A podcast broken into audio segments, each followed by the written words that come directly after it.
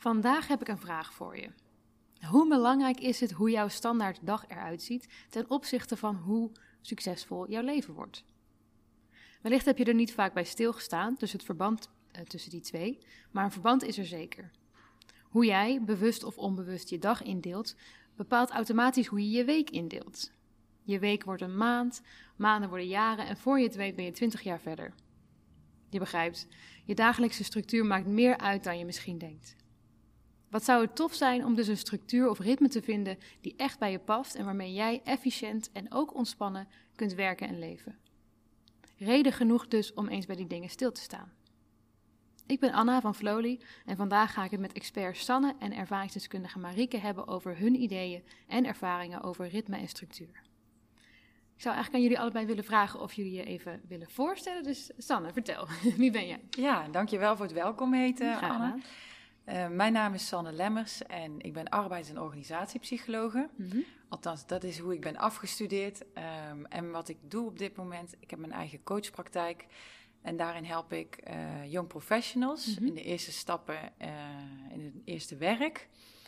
Um, dus ik ben talentcoach in een traineeship en in een talentprogramma, dus van twee verschillende bedrijven. En ik help ook mensen om gezonder in het leven te staan. Dus om mentaal en uh, fysiek in evenwicht te komen. Mm -hmm. uh, dus ja, dat is eigenlijk meer vitaliteitscoaching. Ja, okay, Op die tof. twee uh, focus ik. Wat een mooi werk. Ja. Ja. ja. Leuk. En Marieke, vertel, welkom. Dankjewel. Wie ben? Um, ik ben Marieke Mutsaerts en nou ja, ik zit hier als ervaringsdeskundige. Mm -hmm. Omdat, nou ja, omdat ik voor mijn gevoel wel ervaring heb met het creëren van ritme en structuur uh, in mijn werk. Ik werk op dit moment bij een softwarebedrijf, het heet Watermelon. En um, ze hebben een platform ontwikkeld waarbij bedrijven zelf chatbots kunnen uh, bouwen. Mm -hmm. En uh, dit betekent dat dus bedrijven heel veel kunnen automatiseren. En daardoor ben ik heel erg bezig met van... hey, je kunt dingen automatiseren, je kunt dingen productiever maken. En um, dus een soort van mindset waar ik continu mee bezig ben mm -hmm. in mijn werk. Van hoe kan ik zo productief mogelijk werken. En daar hoort een stukje ritme en structuur uh, ook heel erg in. Mm, dus dat is een mindset die je een beetje hebt aangenomen door daar te werken eigenlijk. Ja, en ik werk daar uh, als marketeer. Dus ik ben ook heel erg bezig met gewoon hoe het in de markt uh, mm. gaat. En niet alleen bij klantenservice, maar ook gewoon bij alle andere markten. Ja.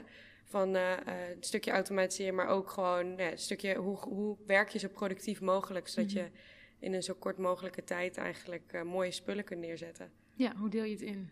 Ja, oké, okay, tof. Ook Dank mooi je. werk, vind ik. Zeker, ook heel mooi werk. ja, zeker waar. Nee, leuk, leuk dat jullie er zijn. Um, San, ik wil eigenlijk aanvankelijk gewoon aan jou vragen van, joh, ritme en structuur zijn een beetje grote begrippen. En je denkt, oké, okay, ja, die hebben we allemaal wel eens gehoord en we hebben allemaal ons eigen idee er, erbij. Um, waarom denk jij dat dat uh, relevant is of belangrijk zou kunnen zijn? Ja, nou, ik wil graag beginnen met te zeggen dat wat mij betreft ritme en structuur geen doelen op zichzelf zijn, mm -hmm. maar um, eigenlijk manieren om een doel te bereiken. Ja. En zo zie ik het ook terugkomen in de coaching. Mm -hmm. Dus ik help mensen bij hun persoonlijke ontwikkeling in het werk. Mm -hmm. dus ik noemde net young professionals, maar ik doe dat ook bij andere, uh, bij andere mensen en in loopbaankeuzes. En um, je ziet dat het lastig wordt wanneer mensen weinig structuur en ritme in hun leven hebben. Ja. Um, dat zie je ook in je praktijk dus echt terug. Ja. ja. En um, ja, wat kan ik daar nou als opening over beginnen te vertellen? Um, er zijn bijvoorbeeld een paar dingen die we in de psychologie weten die heel belangrijk zijn voor mensen. Mm -hmm. En eentje daarvan, een basisbehoefte, is uh, autonomie. Ja. He, dus dat je weet, ik heb grip over mijn leven. Mm -hmm. En uh, nou, dat heb je wanneer je kiest naar welke doelen je toewerkt. Mm -hmm. Maar ook uh, dat je jezelf een bepaalde zekerheid biedt. Uh, bijvoorbeeld uh, in de regelmaat waarmee je aan die doelen werkt. Ja. En nou, dat is eigenlijk bijvoorbeeld waar structuur om de hoek komt kijken. Ja, precies. En het, jezelf aanleren van een structuur. Ja. En dus wat mij betreft is het ook heel belangrijk dat je die zelf kiest. Ja, dat precies. Het niet altijd dat een opgelegde structuur is. Bijna een beetje de leiding neemt over je eigen dag en je structuur. Ja. ja. En ja. als je nou zegt van, joh, de mensen hebben er vaak heel veel last van als ze geen structuur hebben. Kan je dan de vinger erop leggen in algemene zin waar dat dan door komt? Waarom is dat zo? Mm, nou, we leven natuurlijk in een maatschappij waar heel veel afleiding is. Mm -hmm. uh, dus we, wij worden 24-7 bewijs van benaderd met signalen van buitenaf. Uh, op social media Mhm. mm -hmm. veel. Ehm, waarbij je ziet dat wanneer anderen er beter in zijn, zeg maar, om hun doelen te bepalen Mhm. en daaraan te werken. Hè, dus door bijvoorbeeld berichten te posten, Mhm. dat kan ook een vorm zijn van bezig zijn of een structuur. En wanneer je dan zelf niet zo goed nagedacht hebt over hoe jij je dag wil inrichten, daar begon je Ja, het over, ja. dat je al heel snel vervalt in een reactiviteit. Ja, En ik zie dat mensen daar heel veel last van hebben. Dus dat je reactief wordt en dan ga je balen van jezelf. Mhm. En je krijgt ook een gevoel van, eh, nou, ik bereik mijn doelen niet zo goed. Wat Mhm. zijn mijn doelen eigenlijk? Ja. Motivatieverlies een beetje in het Mhm. werk. Of, hè, nou, we hebben het nu over werk, maar dat kan ook zijn ten aanzien van je persoonlijke Mhm. doelen. Of dat je merkt, eh, ik ben niet meer zo fit als ik zou willen zijn. Ja. Of ik besteed niet zoveel aandacht aan mijn vrienden als ik zou willen. En dan kom je een beetje in een, ehm, nou, als dat structuur dan uitblijft, of het stellen van die doelen, dan ja. een beetje een, ja, een hopeloosheid kan het in eindigen Mhm. zelfs. Ja. Dus wordt eigenlijk, als je er iets over vertelt, zie ik het een beetje voor me af dat je jezelf natuurlijk gaat, ook met- gaat vergelijken met andere mensen, wat ook natuurlijk is, ja, denk ik. gebeurt veel. Ja, en dat je ook denkt, je hebt ook bepaalde overtuigingen dan eh, over hoe jouw eigen structuur eruit zou moeten zien in jouw persoonlijke meest ideale situatie. Ja, ook En als je dus dan vervalt in die reactiviteit in plaats van proactief te handelen, Ja, dan ga je je eigenlijk ook vergelijken met je eigen idealen of je overtuiging van zo zou ik het moeten hebben. Ja, dat klopt. En dan krijg je eh, in het ergste geval eh, dat je negatief gaat praten tegen jezelf. precies. ja. Ja. Lager meer- zelfbeeld. Nou goed, dat kan allemaal. Ja. Goed, dat, zo snel gaat het ook weer allemaal niet Nee, natuurlijk. nee. Maar ehm, dat zie ik wel gebeuren bij mensen. Dus teleurstelling in zichzelf. ja. En daaruit uit begint met de gedachte van ik kan dingen niet. Mhm. Dus ik wil wel solliciteren op die nieuwe baan. Maar goed, ik krijg nog niet eens voor elkaar om eh, eh, te gaan sporten. Ja, precies. Ja. ja, ja. Mijn leven op orde te krijgen. Mhm. Ja. ja, ik vind het wel interessant. En Marieke, ik wil eigenlijk ook aan jou vragen, wat, wat is, herken jij wat eh Sanne zegt? Of Ja, ik zat net eh, inderdaad eh, te denken van eh, ehm, wat, wat Sanne, wat jij zegt over die autonomie van, van, van je eigen leven eigenlijk. En dat herken ik wel in de zin van, ehm er moet vaak heel veel gedaan worden. En een soort van overload aan taken en, Mhm. en dingen. En dan zie je inderdaad bij andere mensen lukt dat wel. En door die overload aan, aan alles wat je moet doen, raak je die an- anatomie een beetje eh, kwijt. Dus dan zie je gewoon niet meer wat je eigen rol is, omdat je zoveel moet. Mhm. Ehm, dus ja, dat herken ik wel. En, en ehm, daarmee kun je je structuur eigenlijk verliezen wel. En, hoe. En als je voor, gewoon voor jezelf spreekt, van als je dus dat, dat voelt van, ik kan me heel goed voorstellen wat je zegt, van als je een overload aan informatie of dingen te doen of doelen of Mhm. wat je allemaal wil, eh, en er zit geen structuur in, hoe breng je die dan aan voor jezelf? Wat, wat voor mij altijd heel erg helpt, en dat heb ik ook wel heel erg vanuit mijn werk meegekregen, als wij merken van, nou, we hebben zoveel spullen te doen. Wat we dan doen is eigenlijk alles opschrijven. Gewoon Mhm. alles wat je in je hoofd hebt, alles Mhm. opschrijven. En dan gaan priorita- prioritariseren. Prioriteit stellen, ja. prioriteiten stellen. Ja, ja, ja. Dus eh, wij, wij schrijven het dan op een whiteboard, maar je kunt het natuurlijk ook gewoon op een groot vel papier schrijven. Ja, En echt gewoon even van je computer weg, en van je agenda weg. Maar Ja. gewoon echt, wat, wat zit er nou allemaal in je hoofd? Ja. Eh, en haalt dat allemaal uit je hoofd. Ja, Ja. uit je hoofd inderdaad. Allemaal op papier schrijven. Ja. En niet al gelijk gaan denken van, oh, dit, dit moet ik eerst doen, dit moet ik dan doen. Maar eerst alles, alles opschrijven, dan prioriteiten gaan stellen. En dan op basis daarvan kun je ook heel duidelijk zien van, hé, hey, dit is eigenlijk helemaal niet zo belangrijk. Dus dan kun je het ook wegstrepen en dan kun je het uit je hoofd halen. Mhm. Ja. En dan kun je ook beseffen van, nou, dit is, dit, is- dit is belangrijk. Mhm. Ik, eh, ik heb daar de week de tijd voor, ik kan het sowieso verdelen. Mhm. En dan kun je ook ehm, op die manier die structuur aanbrengen. Dus eigenlijk overzicht creëren door het gewoon uit je hoofd op Ja. papier te, Ja. te zetten. Ja. Oké, interessant. En herken je dat ook, Sanne, uit, vanuit jouw praktijk, dat dat zoiets helpt? Of heb je daar nog een aanvullende tip bij? Eh, ja, waar ik nou meteen aan moest denken is, ja, dat klopt. Want het, het aanbrengen van structuren is eigenlijk een vorm van persoonlijk leiderschap. Hè? Dus je gaat je leven inrichten eigenlijk. Dus je gaat nadenken over, nou, op het moment dat ik even de wilskracht eh, niet heb... of de zelfbeheersing of wat dan ook... om na te denken over wat nou het beste voor mij zou zijn. Mhm. En dat, dat hebben we heel vaak, want we hebben maar be- beperkte eh, wilskracht of energie. Ehm, hoe wil ik mijn leven dan ingericht hebben eigenlijk? Dat ik, dat ik weet waar ik op terugval, zodat ik Mhm. in elk geval op, nou, bijvoorbeeld op een basisniveau goed voor mezelf zorg of Ja. bepaalde doelen bereik. Ja. Ehm, dus daar moest ik gelijk aan denken. En daar zijn er allemaal dingen die je in kunt bouwen. En andere voorbeelden, die zijn bijvoorbeeld ehm, een, een morning routine Mhm. inbouwen. Dus je weet, er is een vast tijdstip waarop ik opsta en een aantal dingen die ik dan doe. Mhm. eh, waar ik me fijn door voel of de dag gewoon prettig begin. Mhm. Bijvoorbeeld eh, yoga of meditatie. Of soms zelfs een intentie zetten. En iets opschrijven van eh, hoe, ja, waar wil ik bij stilstaan vandaag. Ehm, dat. Maar bijvoorbeeld ook het inplannen van bepaalde blokken in je agenda. Waarin je weet, daar kan ik eh, nou, deep work doen. Dus eh, Mhm. werk waarvan ik weet, daar moet ik goed eh, mijn aandacht bij gebruiken. Ehm, want als je dat niet doet, dan weet je, daar komt het er ook niet van. Nee. Ja. Eh, er zijn dan bijvoorbeeld blokken van twee uur die je gewoon inplannen, die heilig moeten zijn, anders komen ze er niet. En wat is Ja. dat precies dan, deep work? Eh, ja, de, de, dat is een concept, daar wordt eh, in de wetenschap over geschreven. Je hebt shallow work of deep work. Mhm. Shallow work, dat is bijvoorbeeld, eh, nou, daar heb ik niet zo heel veel moeite voor nodig. Dat Mhm. kan ik bewijzen van bijvoorbeeld het scrollen door een tijdlijn op Mhm. LinkedIn of het even gauw iets opschrijven van mijn eerste ideeën. Maar deep work is eigenlijk meer het werk waar ik mijn eigen eh, cognitieve capaciteiten maximaal mee moet gebruiken. Mhm. En waarmee ik ook waarde ga toevoegen. Ja, waar je echt gefocust aan moet zitten. Ja, Ja. maar ook dus voor de maatschappij een stukje extra waarde ga Mhm. creëren, omdat ik nou, ergens echt dieper over na aan denken ben, of Ja. iets aan het uitwerken of maken ben. Dus iets waar je ook meer van jezelf inlegt eigenlijk. Ja. ja. En eh, ja, ik denk dat dat echt wel een uitdaging is om daar genoeg ruimte voor te blijven maken Mhm. in onze agenda's. Ja. Terwijl ik dat zo belangrijk vind. Mhm. En ik denk ook om je eh, waardevol te kunnen voelen in Mhm. deze maatschappij op de lange termijn. Ja. Ja. Ja. ja. En dat, dat is dus iets, want je, je, je gaf het net aan in een Ja. bepaalde context. Dat wanneer je deep work gaat doen, dat is iets waar je ook wel meer structuur voor nodig hebt eigenlijk. Ja, omdat je daar een soort boundaries voor moet zetten. Dat je, dat je dus dat inplant. Dat je Mhm. weet, oké, eh, er zijn bepaalde vaste tijdstippen. Dat wordt mijn gewoonte. Eh, bijvoorbeeld drie keer in de week in de ochtend. Dat ik eh, twee uur de inhoud van mijn werk induik. Hè. En voor de ene is Ja, dat ja, ja. onderzoek doen. En voor de ander ehm, eh, een rapport schrijven. Mhm. Of, nou goed. Ja, het is wel grappig wat je zegt, want het is natuurlijk dat stukje van iets bijdragen aan de maatschappij is weer heel specifiek. En dat heb je, heeft misschien niet iedereen in zijn baan, of nog niet in zijn huidige baan, en wel hopelijk in zijn toekomstige baan. Hoop het wel, ja. ja, Ja. Maar ik herken het wel. eh, ligt- Nou ja, want we- dat is eigenlijk wat, de soort wat ik ook wel merk. We kunnen ook Mhm. wel eens in zo'n shallow, ja, hoe zou ik het zeggen? Ehm, automatische piloot.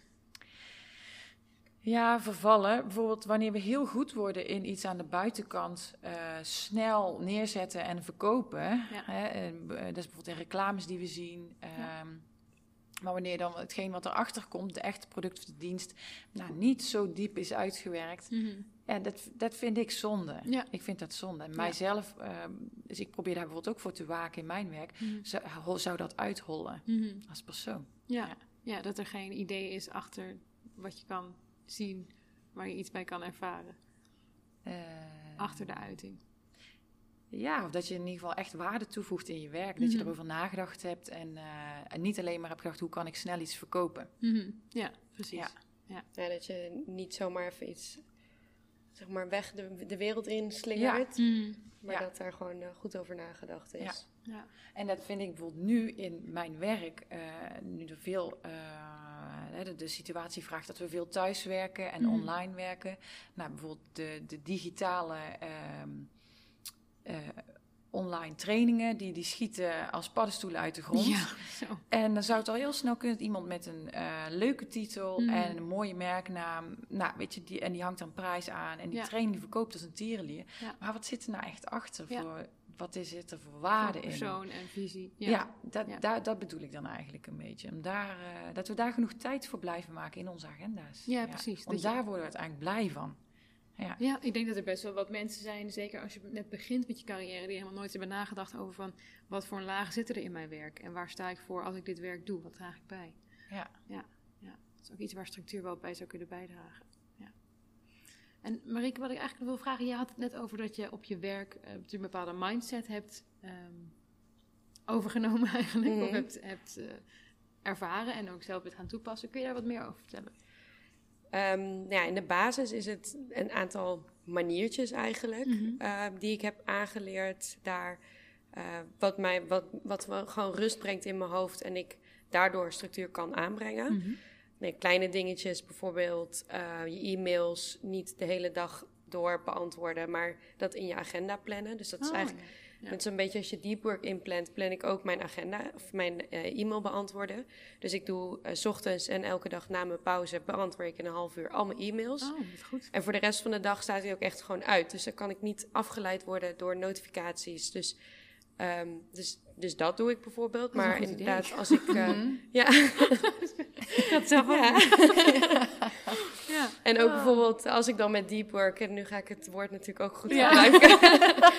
als ik, uh, als ik, ik het ook anders noemen, maar. Ja, nee, ik vind het wel, vind wel een heel mooi, mooi begrip. ja. Maar als ik daarmee aan de slag ga, dan, dan ja, wij gebruiken dan bijvoorbeeld Slack uh, om intern te communiceren, dat ik die ook gewoon uitzet, dat ik echt dus mijn volledige focus heb. En dat, mm -hmm. is, dat is iets wat Um, niet alleen de berichten die je krijgt, maar ook andere dingen. Het is heel verleidelijk om te zeggen van, nou, ik ben nu even hiermee bezig, maar ik moet dit ook nog doen om verschillende bestanden en, mm en uh, programma's open te hebben ja. staan. Ja. Dus ik heb heel erg geleerd van als ik ergens mee bezig ben, ook echt met dat bezig zijn en niet tussendoor nog eventjes. Dus dat is gewoon uh, dat, die, die focus houden. Ja, en gewoon echt één ding tegelijk doen. Dat ja. echt een goed idee. En, ja, ik herken het ook heel erg. Ik, bedoel, ik ben, vind mezelf best wel een gestructureerd iemand. Kan ook best wel efficiënt werken. Ik heb wel een baan met veel verantwoordelijkheid. Maar mijn uh, modus operandi is wel, kom op mijn werk en alles open. Trello, e-mail, web WhatsApp, mijn business WhatsApp, alles zeg maar. Ja, voor je het weet ben je alleen maar aan het uh, switchen tussen al die dingen. Ja, ja, ja dat kost natuurlijk ook weer heel energie. Ja, zeker. zeker. Dus ik vind het wel interessant wat je zegt. Ja, want je gaat elke keer van het ene uit het andere. Zeg maar, je, je bent volledig met je mind all over the place, letterlijk. Um, dus nou ja, dat is dan, dan iets wat ik doe. En bijvoorbeeld ook wat kleinere dingen. Dat, dat uh, mijn bureaublad altijd leeg is. Ja, en ja bijvoorbeeld, heb ik meer over ja, ja, ja. dat, dat, dat is voor je gevoel gewoon een, een mm. ding van... Oh, schoon. Schoon. maar hetzelfde met mijn e-mail. Als ik dan in dat half uurtje mijn e-mail bijwerk... dan is hij altijd leeg, uh, mijn inbox. Mm. En als er een bepaalde taak aan vast zit... dan plan ik dat in mijn agenda in. Bijvoorbeeld... Um, dus ik zorg dat dat altijd opgeruimd is. Dat je niet, ook al ga ik dan daarna verder met ander werk, dat ik niet nog denk van, oh, maar er zit daar nog een mail die nog beantwoord uh, ja, ja. Uh, moet worden. Dus dat is gewoon de, de rust in je hoofd eigenlijk brengen. En um, de, de overall mindset, die, die ik gewoon heel erg hanteer, is uh, een bekende methode wat Do Plan Act Check heet. Mm -hmm. um, en dat is eigenlijk ja, een beetje het structureren van de taken die je hebt. En dat werkt ook heel goed met, met als je moet samenwerken met mensen. Want uh, dat maakt het soms lastig, want je hebt je eigen structuren, maar iemand heeft zijn andere structuren. Dus hoe ga je dat dan samenbrengen? Ja, ja, en dat do, plan, act, check is eigenlijk van, ja, je gaat iets doen, dan ga je plannen van, ik ga dat zo en zo doen. Mhm. Dan ga je daarna acteren, dus je gaat het uitvoeren. Het uitvoeren. En dan ga je het checken. Dus dan ga je kijken van, is dit wat ik inderdaad moest doen? Mm um, maar het werkt ook als je samenwerkt. Dan, dan zeg je van, nou, wij gaan dit doen. Mm -hmm. um, het moet volgende week af zijn. En dan ga je daarmee aan de slag en dan ga je checken. Maar dan ga ik bijvoorbeeld, maak ik een taak voor mezelf aan... dat ik binnen vijf dagen ga checken van... hey, hoe is, wat is de status mm hiervan? Of dat ik het na een ah. week ga opvolgen. Zodat je ook minder afhankelijk bent van de structuren van andere mensen. Omdat je daar gewoon je eigen ja, je leiderschap in, in hebt. Door mhm. dat gewoon zelf ook te, te checken. En is het, zit er dan ook een soort van meetmoment in? Je geeft aan dat het ook handig is om daarmee samen te werken. Ik kan me best wel voorstellen als je veel samenwerkt... dat je mensen hebt die super verschillende werkwijzen hebben... en ook andere normen wat betreft structuur misschien. Uh, zit er dan ook een moment in waarin je dat, dat checkt? Van hey, hoe werk jij en wat is jouw uh, voorkeurstructuur en wat is die van mij? Nou, niet, niet heel erg direct. Wat ik, wat ik gewoon doe is als ik een opdracht geef, dat ik uh, zelf ook pols van um, dit ga je doen. Wanneer heb je dit af? Zodat mm je een commitment aangaat met z'n tweeën. Ja. Um, en dan dat gewoon polsen van hey, je, je, je, hebt hier je aan gecommit, hoe staat het daarmee? Even inchecken. En als ze dat niet af hebben, dan ook gewoon duidelijk aangeven. Dus het is niet zozeer, mij maakt het niet zoveel uit hoe iemand werkt. Het gaat erom dat ik mijn werk kan doen, doordat er iets opgeleverd wordt bijvoorbeeld. Dus dat is, dat is mijn, mijn structuur eigenlijk. En dat mhm. is dat stukje leiderschap wat ik heb over, uh, uh, over de taken die ik moet doen. Mm en dan minder afhankelijk ben van andere mensen. Mhm. Want ik heb, ik heb gewoon een beetje geleerd van... je kunt er eigenlijk gewoon nooit van uitgaan dat mensen doen wat ze zeggen dat ze doen. en het klinkt heel kort door de bocht. Ja. Ehm, Op werk heb ik nu over. Ja, op werk. Nee, ja. dus meer, meer als je dat als, als mindset hebt, Ja. dan... Ja, het klinkt heel negatief, maar het is meer een, een idee van...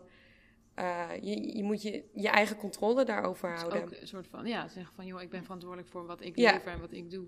En het is altijd heel makkelijk om te zeggen van... ja, maar hij of zij heeft dit niet gedaan. Ja, Van, ja, maar wat is, wat is uiteindelijk jouw eigen rol daarin? ja wat is je En, eh, aandeel? Ja. eh, Ja, ik vind dit laatste stukje ook wel interessant. Want in ieder geval wat je bij succesvolle teams ziet. Hè, Mhm. Want inderdaad, je hebt niet alleen structuur voor jezelf. Je werkt vaak samen eh, aan doelen. Eh, is dat zij elkaar echt kunnen houden aan regels. Ja. En dus daarmee aan de structuur. Ja. Dus dat wil zeggen, nou, we hebben een commitment, hè, waar je het net al over had, om bijvoorbeeld elke eh, maandagochtend elkaar op te bellen en te kijken hoe we ervoor staan. Mhm. En dat slaan we dan ook niet één keer over. Mhm. En dus eigenlijk hoe, hoe minder de regels ge- verbroken worden, hoe hechter het team. Ja. En hoe meer motivatie om met z'n allen aan de, de Ja. doelen te werken. Ja, hoe sterker die Ehm, norm ook wordt van kwaliteit. Ja. Dus de, grap, eigenlijk, eh, dus de structuur, het gaat niet alleen over jezelf ehm, eh, en aan je eigen doelen kunnen werken, maar ook aan hoe betrouwbaar ben ik voor anderen. Ja. En ehm, ja, kunnen we op elkaar bouwen in de samenwerking. Mhm. Ja. Ja. Ja, we hebben inderdaad eh, op werk ook eh, el- elke ochtend, wij noemen dat dan de daily huddle. Dan, Leuk. ja, een huddle. en dat is dan gepland om negen over negen, want dat is dan een soort van gekke tijd wat in je hoofd blijft zitten. En dan is het echt, dan starten we ook echt om negen uur. En dan is het een rondje goed nieuws, een rondje eh, prioriteiten van de dag. Eh, ben je nog vastgelopen? En het is niet een moment om uitgebreide discussies te, te voeren, maar echt een moment om structuur te brengen en alle neuzen dezelfde richting op te krijgen. Ja. Dus, eh, en dat is ook inderdaad elke dag. Ja. En dat is een, een, een- de dagstart eigenlijk een beetje. Ja, wat goed. En ik kan me ook juist voorstellen dat je ziet als een vergadering hebt, want dat kan ook super ongestructureerd zijn. Dat iedereen door elkaar een beetje gaat praten, of iedereen heeft andere verwachtingen van zo'n gesprek of van hoe je de dag start. Maar wel goed als je dan gewoon begint met een rondje goed nieuws Ja, en dan dat als startpunt gebruikt. ja dan, dan begin je ook positief. En het is, ik bedoel, eh, het is voor iedereen leuk om, om te laten zien wat, Mhm. wat er gaande is. En het is altijd leuk om te vertellen, om gewoon je team te supporten. En eh, Ja. dat, ja. Leuk. En heb je nog andere dingen die je op je werk eh, meeneemt in de mindset? Of was dit wel echt de voornaamste? Ehm, ja, wat ik vanuit mijn werk, omdat wij natuurlijk heel veel bezig zijn met automatisering, is het gewoon. We hebben een beetje een soort van principe: als je drie keer iets op dezelfde manier moet doen, dan moet het eigenlijk te automatiseren zijn. Ja, dat, En dat is ook wel. Dat is heel kort door de bocht. En eh, kijk, dat is voor, voor niet iedereen mogelijk. Want wij Mhm. hebben bepaalde tools ook natuurlijk, eh, software, et cetera, die we daarvoor gebruiken. Maar dat is wel een soort van de mindset van op het moment dat je dus drie keer iets op dezelfde manier doet, of, of iets moet doen, van hoe ga je dat dan structureren? En, en dat kan door te automatiseren, maar het kan Mhm. ook door te kijken van hé, hey, maar eh, kunnen we dit op een andere manier doen? Dus bijvoorbeeld een campagne wat we, wat we moeten releasen. Nou, ja, we hebben eh, features die we moeten releasen. Nou, dat gaat elke keer in dezelfde manier. Dus Ja. daar, daar bouwen we dan een structuur voor. En dan gaan we ook eerst kijken van nou, hoe gaan we dat structureren, de release. Maar ook als het gereleased is, even terugkoppeling van hoe is, de, hoe is het structuur gegaan? Hoe, is, Mhm. hoe is de opbouw gegaan? En niet alleen qua inhoudelijk, maar echt van... eh, hoe hebben we dit als team aangepakt? Eh, wat Ja. is iedereen's rol erin geweest? Wat kunnen we de volgende keer weer beter doen? Mhm. Dus het is altijd een iteratief proces natuurlijk Mhm. ook. Eh, altijd kijken van, hoe kunnen we dit beter doen? Ja. Want het is ook, het is- er, er is altijd, altijd genoeg te doen. Ja, Ehm, en dat ook een beetje besef van, er is altijd, het is altijd nog meer te doen en het kan altijd beter en sneller. Mhm. Ehm, dus het is altijd wel gewoon leuk om daarbij stil te staan. Om dat elke keer een stapje eh, te verbeteren en ook accepteren dat je niet alles direct misschien perfect kan. nee. En zijn dat dan ook dingen die je eh, meeneemt naar je eigen persoonlijke dag en ritme en structuur? Of zijn dat dan weer andere dingen die je daarin terugvindt? Ja, ja ik, ik neem het zeker wel mee eh, eh, in, mijn, in mijn eigen structuur. Als ik thuis in het weekend of zo een dagje voor iets moet gaan werken, dan, ehm, dan probeer ik ook wel die structuur aan te houden. En ook Mhm. als ik thuis werk, eh, dan, dan heb ik ook, dan sta ik 's ochtends gewoon op zoals zoals ik altijd doe. En ik heb inderdaad, wat jij wel, Sanne zei, in de ochtend een structuur. En ik heb niet een yoga of een meditatie, maar ik heb wel van, nou ja, ik sta op en dan doe ik mhm. dit en dan ga ik ontbijten. En mm. heb ik een, een structuur en ik ben daar wel een beetje uh, hoe noem je dat? Ik, ik moet ook wel echt de structuur aanhouden. Ja, ja, ja. Anders word ik een beetje onrustig. En ik, ik kan ook, als ik me verslapen heb, ik kan dat ritme niet sneller doen. Nee, nee, nee, nee, nee, Dan ben ik gewoon te laat. dus, maar dat, dat helpt mij wel om gewoon op, op gang te komen en, mm en mijn dag goed te beginnen. Ja. Um, en dan begin ik elke keer ook met, nou ja, begin met, met alles bijwerken eigenlijk. Dus dat is mijn mail bijwerken, mijn, mijn taken bijwerken. Kijken ook van wat ga ik vandaag doen. Dus eerst echt even een rustig momentje pakken voor mezelf om dat op te kunnen pakken. En niet gelijk dingen gaan doen eigenlijk. maar eerst gewoon echt van wat, wat staat er op de planning? Wat heeft hoogste prioriteit? Hoe ga ik dat in mijn dag indelen? Maken. Ja. Uh, ja, en wat, weet je wat grappig is, wat ik me bedenk terwijl we dit zitten te uh, bespreken allemaal, hè, het voordeel van ritme en structuur. Dit geldt natuurlijk allemaal wanneer je het belangrijk vindt om een bepaalde vooruitgang te boeken of controle. ik kan me ook voorstellen dat mensen zeggen van ja, maar dat hoeft voor mij helemaal niet. Mhm. Of uh, hè, ik wil gewoon soms lekker de boel de boel laten. Ja. Dus uh, ik denk ook dat het belangrijk is om erbij te noemen, ook in dit gesprek, van ja, je kunt nooit, nooit natuurlijk je hele leven inplannen. Nee, nee. En uh, overal structuur voor vinden. Maar het is wel iets om op terug te vallen en een. Um, um, nou, waar je, waar je altijd weer opnieuw richting mee kan geven. En, je, en dingen gaan altijd anders, maar dan heb jij in ieder geval in de basis voor een aantal dingen gezorgd, waardoor uh, uh, nou, je in ieder geval invloed pakt waar je invloed kan pakken. Ja. Dat is het. Ja. Maar ik kan me ook voorstellen dat niet iedereen uh, ja, daarmee bezig is. Ik ben er wel eens benieuwd naar hoe mhm. mensen deze podcast gaan ervaren. ervaren ja. Misschien denken ze ook als ze mijn verhalen horen van het is zo OCD, eh, alles gepland. Ja, waarom zou je alles willen plannen? Ja, ja, maar Het, is, het is ook helemaal niet zo dat ik alles plan, maar het is inderdaad wat jij zegt. Van ik heb een aantal dingen uh, die ik heel erg structureer en waar ik echt een, een heel erg strakke planning op heb. Maar de rest van mijn dag, ik, ja, het kan zijn dat het heel anders loopt. Ja. ja, en ook, het is ook bekend van heel creatieve mensen dat ze juist hun tijd heel erg opdeelden in vaste tijdsblokken. Ze altijd wisten, dan ga ik eten, dan heb ik tijd voor mezelf en dan zie ik weer mensen waarmee ik samenwerk.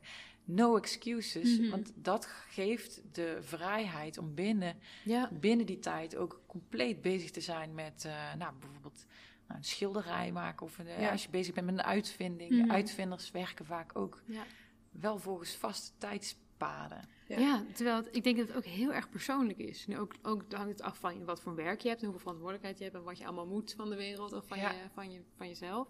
Maar ik denk dat het ook heel erg afhangt van hoe je als persoon in elkaar zit, denk ik. Als ik voor mezelf spreek, ik heb dan gewoon wel een baan waarin ik elke dag op een kantoor ben. Mhm. Ehm, maar ik ben wel freelancer. Dus ik mag wel me. Ik ben wel een soort van. Ik heb heel veel verantwoordelijkheden. Een soort van eindverantwoordelijk voor eigenlijk alles bij dat bedrijf. Zo, maar ik mag zelf bepalen hoe laat ik er ben.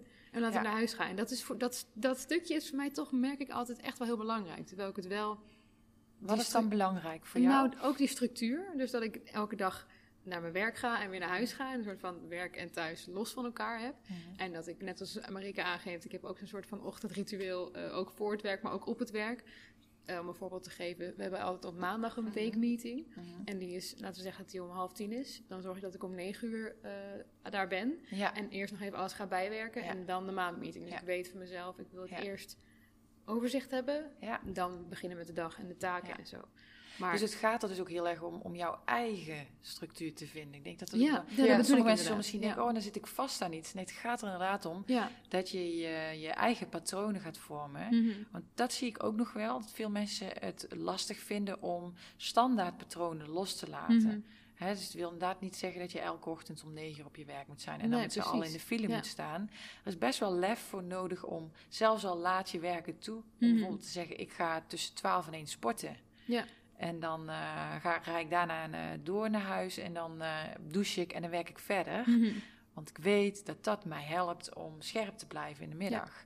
Maar dat is ook een patroon. Dat is ook ritme, dat is ook structuur. Ja. ja.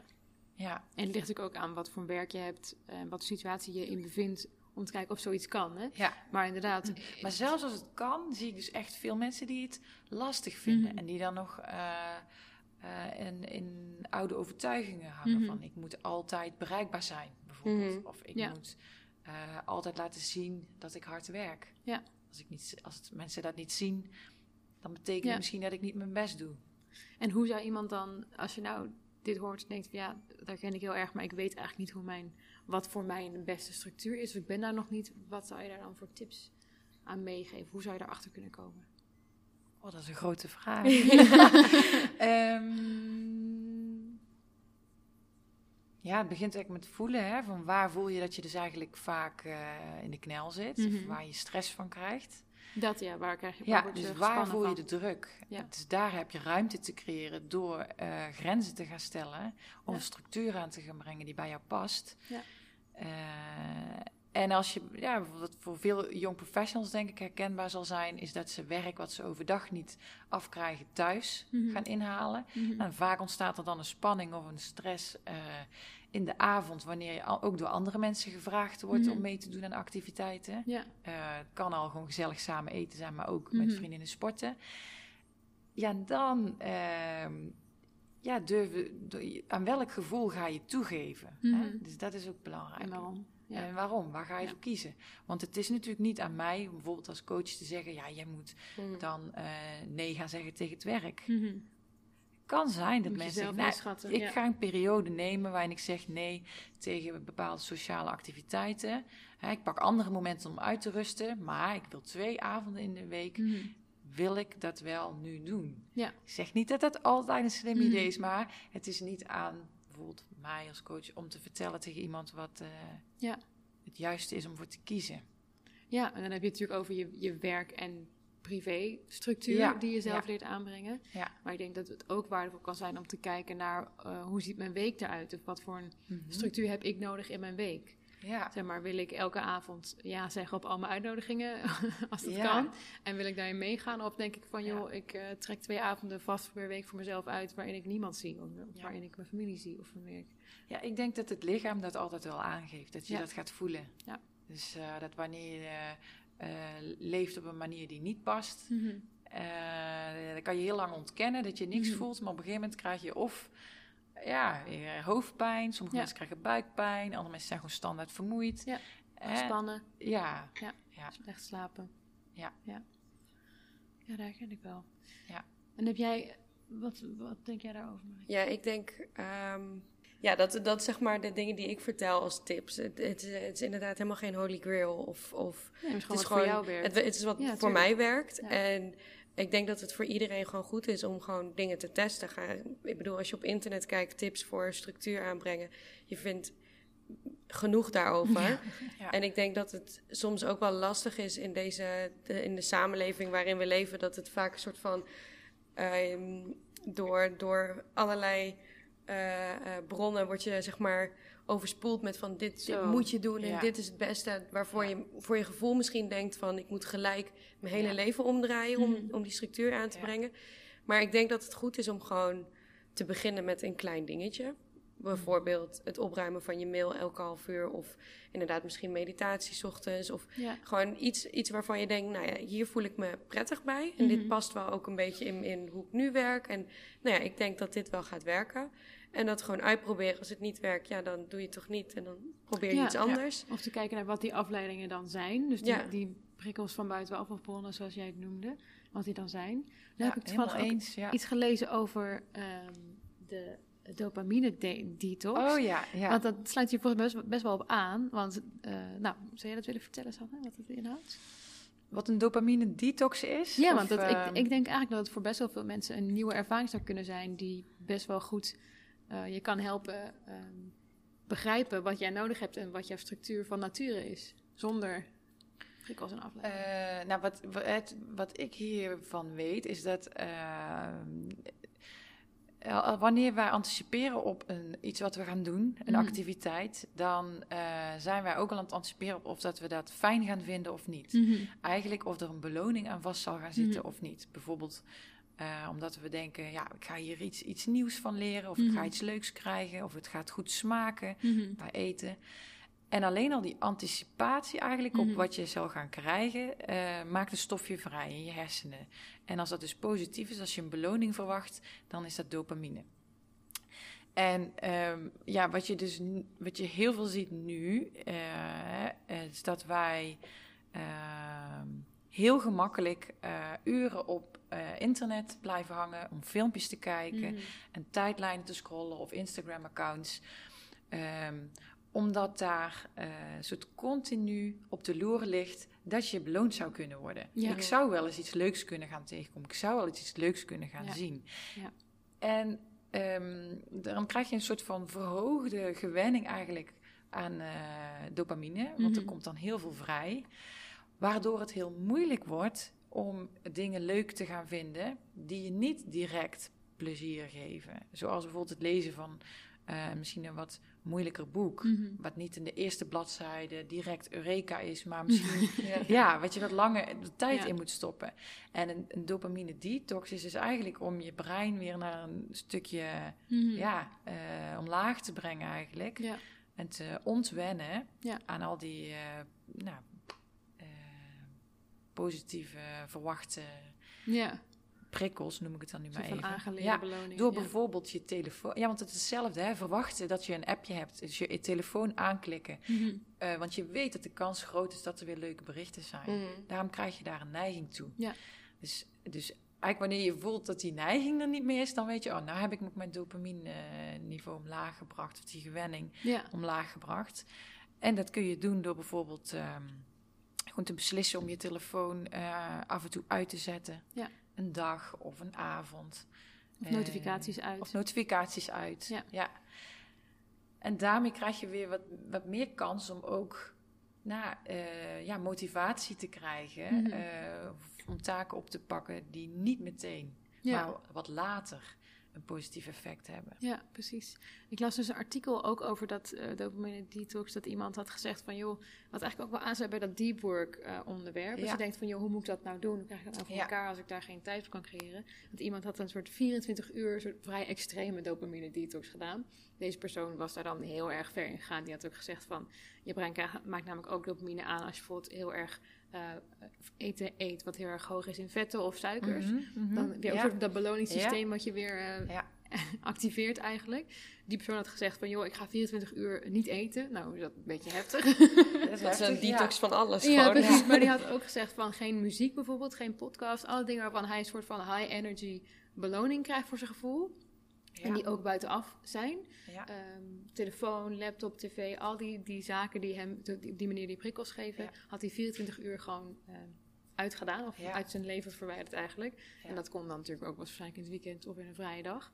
En hij zei van, joh, ik merkte gewoon dat als ik toen ging mediteren bijvoorbeeld, van dat ik veel meer eh, rust had, zonder dat ik daar gewoon mijn best hoefde te doen. Ik hoefde niet Ja. eerst nog 10 minuten mijn hoofd rustig te krijgen voordat ik echt kon gaan mediteren. Oh, maar mooi. mijn hoofd Ja. was gewoon al rustig. Ja. En ik kan me ook wel voorstellen dat als je zoiets zou willen doen, ik zou ja, wel aanraden om dat te eten, maar als je zoiets zou doen, dat je bijvoorbeeld ook eh, wat makkelijker in zo'n soort deep work eh, Ja, dat denk ik staat ook. komt. Ja.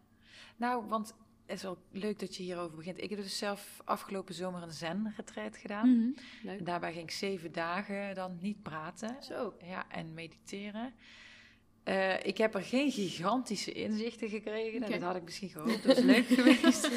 Maar ik heb wel ervaren van... hé, hey, mijn gedachten namen inderdaad onwijs af. Mhm.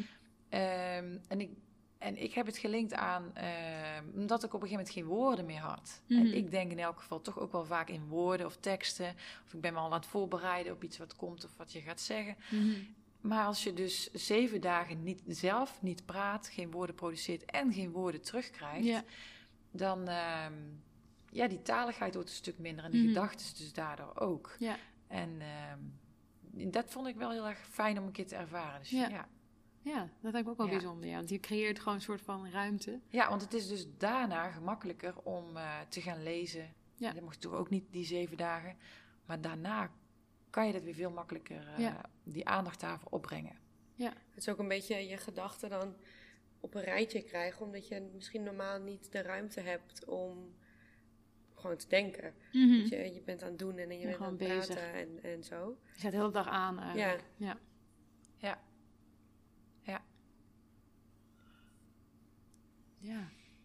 Vind het wel, ik vind het wel interessant. Ook omdat je uh, misschien niet doorhebt hoe uh, groot deel afleiding van je structuur is. Als die zin begrijpelijk is. Dat je een soort van. ja, ehm, zeg hem nog eens, want het klinkt wel leuk. Ja, eigenlijk niet doorhebt welke rol afleiding en prikkels mm -hmm. buitenaf speelt of spelen in jouw dagstructuur omdat het allemaal heel normaal is dat je twintig keer per uur je telefoon checkt. En het is heel normaal dat iemand, als iemand iets liked op je Instagram, dat je denkt, ah, wat leuk. Of nee, we hebben het niet door bijna. Nee. En we kunnen er ook moeilijk omheen. Ja, dus je kunt wel zeggen, ik wil me afzonderen, maar het is bijna niet te doen. Nee, dat gaat niet. Dus ik zie, daarom ben ik wel fan van het aanbrengen van structuren. Mm. Uh, dus begrijp me niet verkeerd. Ook, ook, al kan ik me voorstellen dat sommige mensen dat ook vermoeiend vinden. Nou, mm. Uh, ik denk dat structuur een tegenhanger is. En dus mm. inderdaad een soort tegenduwende kracht biedt te tegen al die afleiding die je krijgt. Ja. Dus waarmee je toch een gevoel van controle kan houden. En uh, uiteindelijk ook uh, vertrouwen in ja. jezelf. Dat je altijd iets zult doen waar je zelf achter staat. Ja, het vraagt ook van je om een soort van uh, plek in te nemen in je eigen leven. Denk van, hé, hey, wat wil ik met mijn dag? Wat wil ik met mijn week? Ja. Net als Breken, wat jij zegt, vind ik ook heel interessant... dat je het soort van die mindset van je werk ook dus zelf mm voor kiest om dat mee te... Want niemand, dat moet niet. Nee. Maar jij denkt zelf van, ik ga dat meenemen in mijn eigen persoonlijke leven. Dat vind ik ook wel heel tof. Ja, want ik merk dat ik daar gewoon een, een meer ruimte door krijg in mijn hoofd inderdaad.